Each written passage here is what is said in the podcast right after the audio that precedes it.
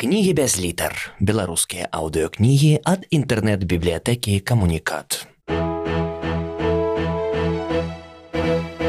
Андрей Федоренко. Жетон на метро. Роман. Частка першая неспакойны вечар. Раздзел першы.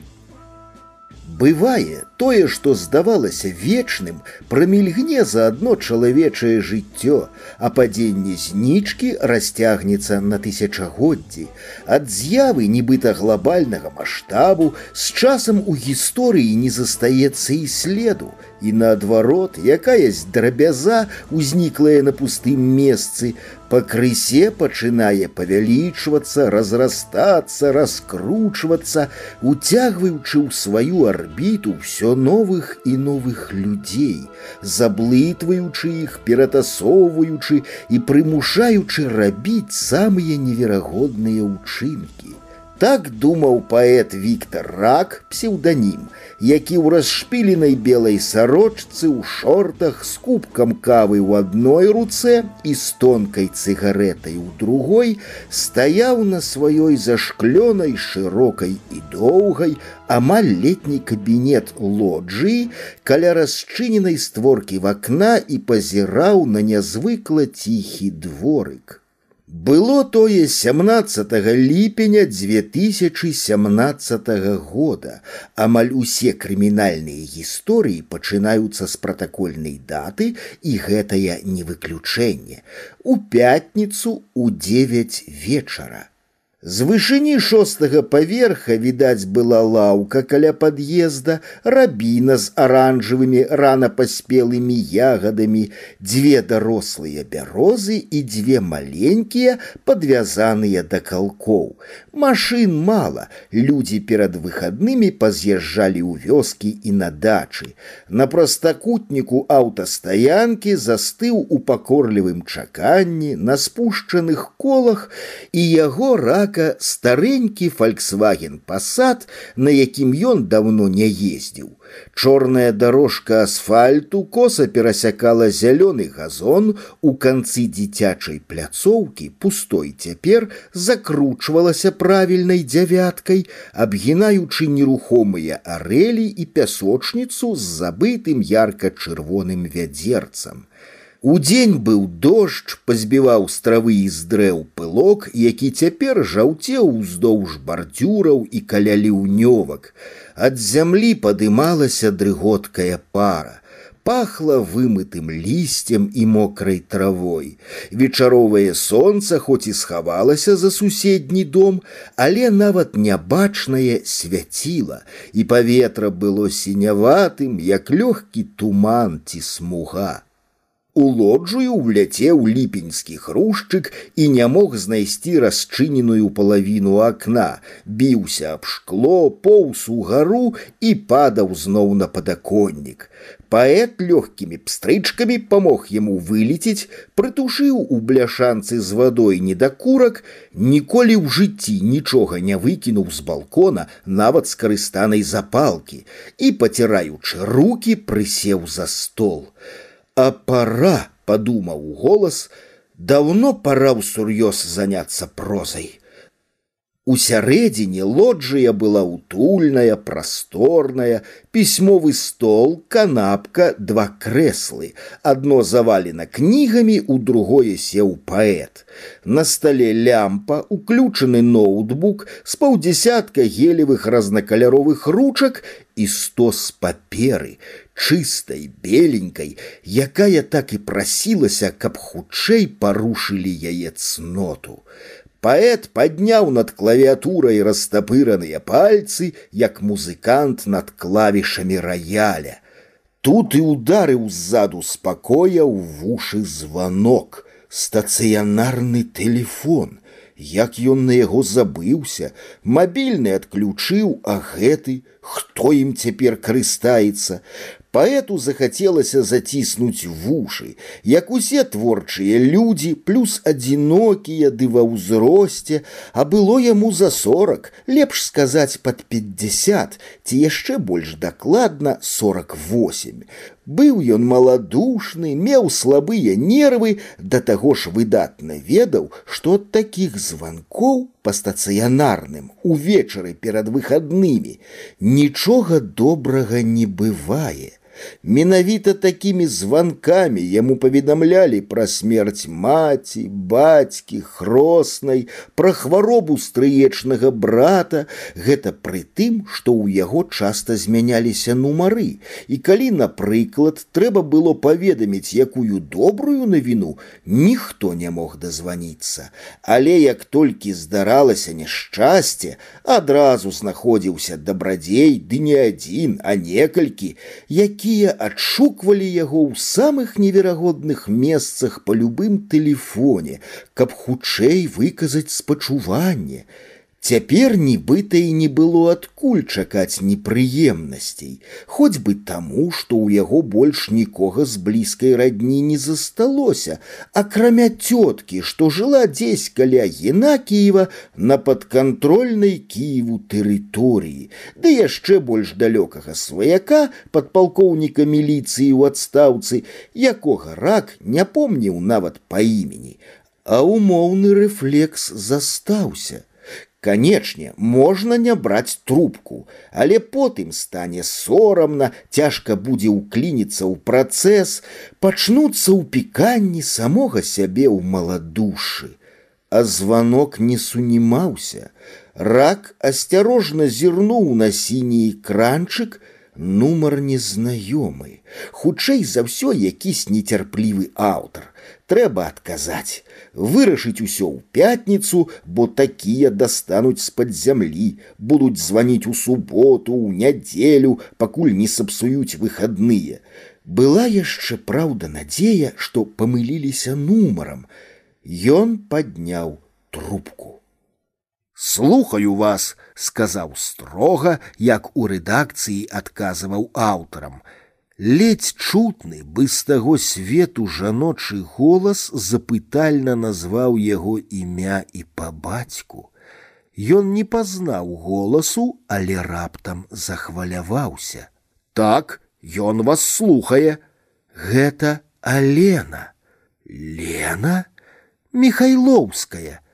Ён успомніў імгненна далёкую вясну выступленне ў нейкім паліграфічным каледжы ці тады яшчэ тэхнікуме цэлую актавую залю студэнтак завочніц і сярод іх адна белая поўненькая з блізарукімі добрымі вачамі не так прыгожая як абаяльная на якую ён увесь час любаваўся ён і сам быў тады малады адносна канечне тридцать гадоў роўна Пасля выступлення падпісаў ёй кнігу, пазнаёміліся і пайшлі гуляць па вячэрнім нагрэтым за дзень горадзе.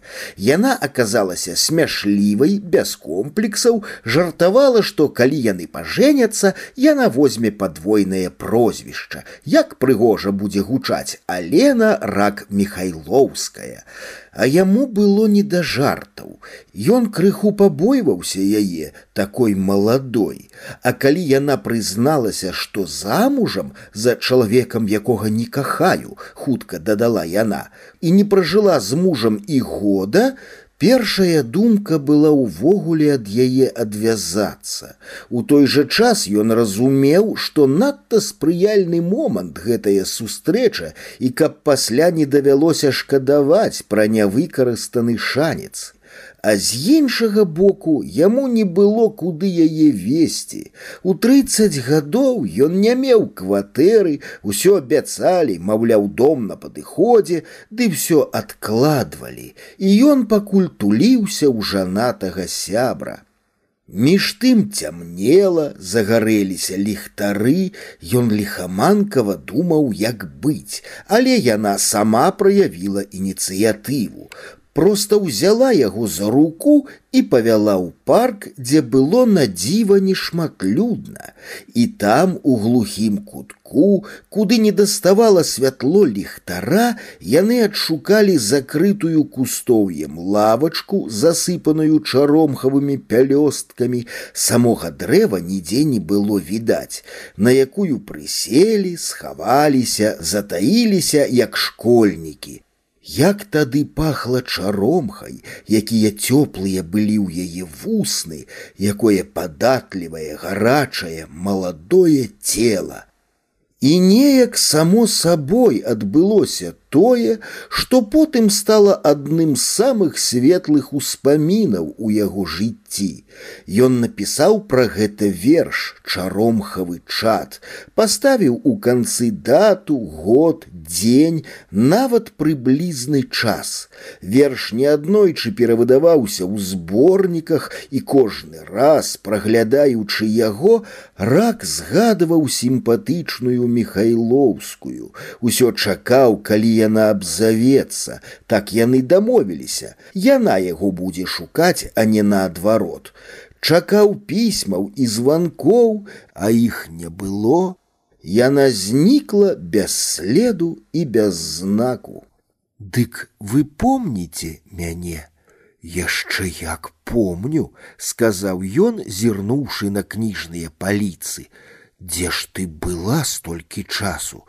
А вы дзе былі? Як можна? Мы правінцыялы, куды нам баялася парушыць, вы такі славуты. Дзе ты цяпер? Усё там, жыву, працую, гучна гаварыла, амаль крычала Михайлоўская. У трубцы нешта патрэсквала, папісквала, замуж вось выходжу, дачка, амаль дарослая, клас. З-за кепскай сувязі яму пачулася не клас, а ў нас, дачка дарослая ў нас. Ён так усхваляваўся, што раптам стала горача вушам і ўжо тым больш прапусціў пра замужжа. Не кожны дзень і не кожнаму мужчыну ў жыцці даводзіцца чуць падобнае. Колькі гадоў, што? Колькі ёй гадоў, закрычаў і ён. Сямнаццаць, Ад хвалявання ў яго адбыўся нейкі збой у памяці. Ён падышоў да кніжнай паліцы, сонца сядала, апошні водбліск яго затрымаўся на шкле расчыненых балконных дзвярэй, і на імгненне рак, як у люстэрку, убачыў там свой адбітак. Падстрыжаная галава з кароткай чупрынкай, твар знаёмы да кожнай зморш, маршчынкі кожнай радзімкі, зрэшты даволі сімпатычны, калі б не вочы, пукатыя, як у рака, заўсёды здзіўленыя, а цяпер яшчэ і ўстрывожаныя. Кніжкі пасыпаліся долу. Ён пацягнуўся да верхняй паліцы, дзе стаялі некалькі новых зборнікаў з чаромхавым чадам, і дзе яшчэ вышэй на самым ражку вісеў на шаўковай ніцы, прадзетай у дзірачку звычайны жэтон на метро цёмна-чырвонага колеру, прыціснуў плячом трубку, каб вольнымі былі дзве рукі, выкалупнуў кніжку, адгарнуў старонку з вершам, паглядзеў на дату, дадаў девять, і адразу на душы стала абыякова, які танны шантаж, навошта ж так, а павінна быць восемнадцать, глуха сказаў ён у трубку. Чаму? Калі, як ты сцвярджаеш, гэта наша дачка, і прыкусіў язык. Толькі цяпер дайшло, што ён двойчы за хвіліну умудрыўся даць маху. Яна зразумела яго. Так, сказала яна ціха, все правильно, нашай было б восемнадцать, магло быць. Ён ветліва халодным, амаль афіцыйным тонам попрасіў прабачэння за кепскую сувязь і далей слухаў не перабіваючы. Даведаўся ён, што яна па-ранейшаму працуе ў раёнцы тэхрэдам, была замужам, развялася, муж раўнівец кінуў яе з малой, дачку гадавала адна і вось яна вырасла, скончыла школу, ледзь хапіла балаў на журфак, але там яшчэ ўнутраныя экзамены і творчы конкурс у два этапы, сачынення і дэманстрацыя навыкаў рэдагавання тэксту, як выказалася Михайлоўская. Ад гэтага будзе залежаць на бюджэт ці на платнае або ўвогуле на філфак, і ну зусім няма каму памагчы. Вы толькі і ўспамінаеце, калі вам нешта трэба, падумаў рак.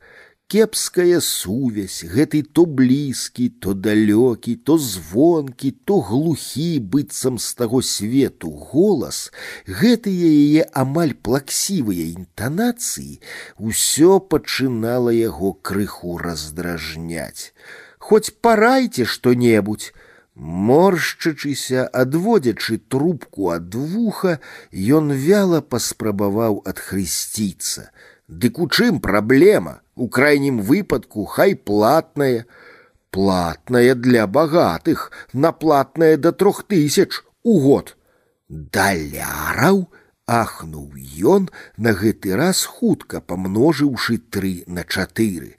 На філфак, канечне, менш дванаццаць тысяч але што я магу ды і хіба гэта робіцца так хутка дзе ж ты вы раней былі баялася вы такая славутасць по другім крузе пайшла яна можа як-небудзь мы ж не чужыя людзі я ніколі ў жыцці гэтым не займаўся хоць дайце надзею а калі б гэта была наша дачка тады знайшлося б выйсце. Ён сказаў: паспрабую, але не абяцаю. Які вы добры, я ведала, што вы паможаце. Ніякіх гарантый, паўтарыў ён і каб хутчэй скончыць, тады да пабачэння. Не-не, спахапілася яна, успомніўшы, што хоць з ветлівасці павінна і ім пацікавіцца, а самі як, усё адзін Настала яго чарга хоць коротко паспавядацца. Так адзін жаніцца не паспеў, доўга не было кватэры, а потым, калі яна з'явілася, не было з кім, больш не падыходзілі на выступленнях маладыя дзяўчаты, а пасля і сама жаніцьба стала нейкай нямоднай. Наадварот пачало лічыцца, што сапраўдны творца павінен быць заручаны толькі з літаратурай, каб аддаваць усяго сябе творчасці, словам было позна. Так і жыву, працую ў рэдакцыі ў аддзеле паэзіі, зорак з неба не хапаю, але жыццём задаволены, цаню сваю творчую свабоду. Ну, да пабачэння, але михайлоўская все адцягвала дзякую дзякую што б я без вас рабіла вы такі ж добры які і быў зноў ён сказаў да пабачэння і зноў яна дык значыць можна спадзявацца можна вам званіць і так некалькі разоў, калі нарэшце ў трубцы пачулася піканне, рак з прыкрасцю паглядзеў на сто з чыстай паперы, на ноутбук, дзе даўно ўключыўся рэжым чакання і патух манітор. Засяроджана пасвістваючы, ён дацягнуўся да ражка паліцы, зняў жэтон, покрутил на пальцы, повесил назад, выйшаў на лоджыю. У двары ўжо амаль сцямнела, ён узіраўся ў сіняватыя прыцемкі і думаў: цікава, чаму ён і праўда як бы за нешта адчувае віну. І тут зноў ударыў ззаду званок. Уся яго вінаватасць знікла без следу. Ён падумаў на михайлоўскую: Вось людзі, дай палец кусаюць па локаць. Да яго не адразу дайшло, што гэта не тэлефон, а звоняць у дзверы. Асцярожна, не ўключаючы святло, ён прабраўся ў калідор, заглянуў у вочка, і ўбачыў суседа, які жыў праз вуліцу старога самусенку і пачуў яго гучны басавіты голас. Відчыняй бісаў сын, я тебе бачыў толькі што на лоджыі.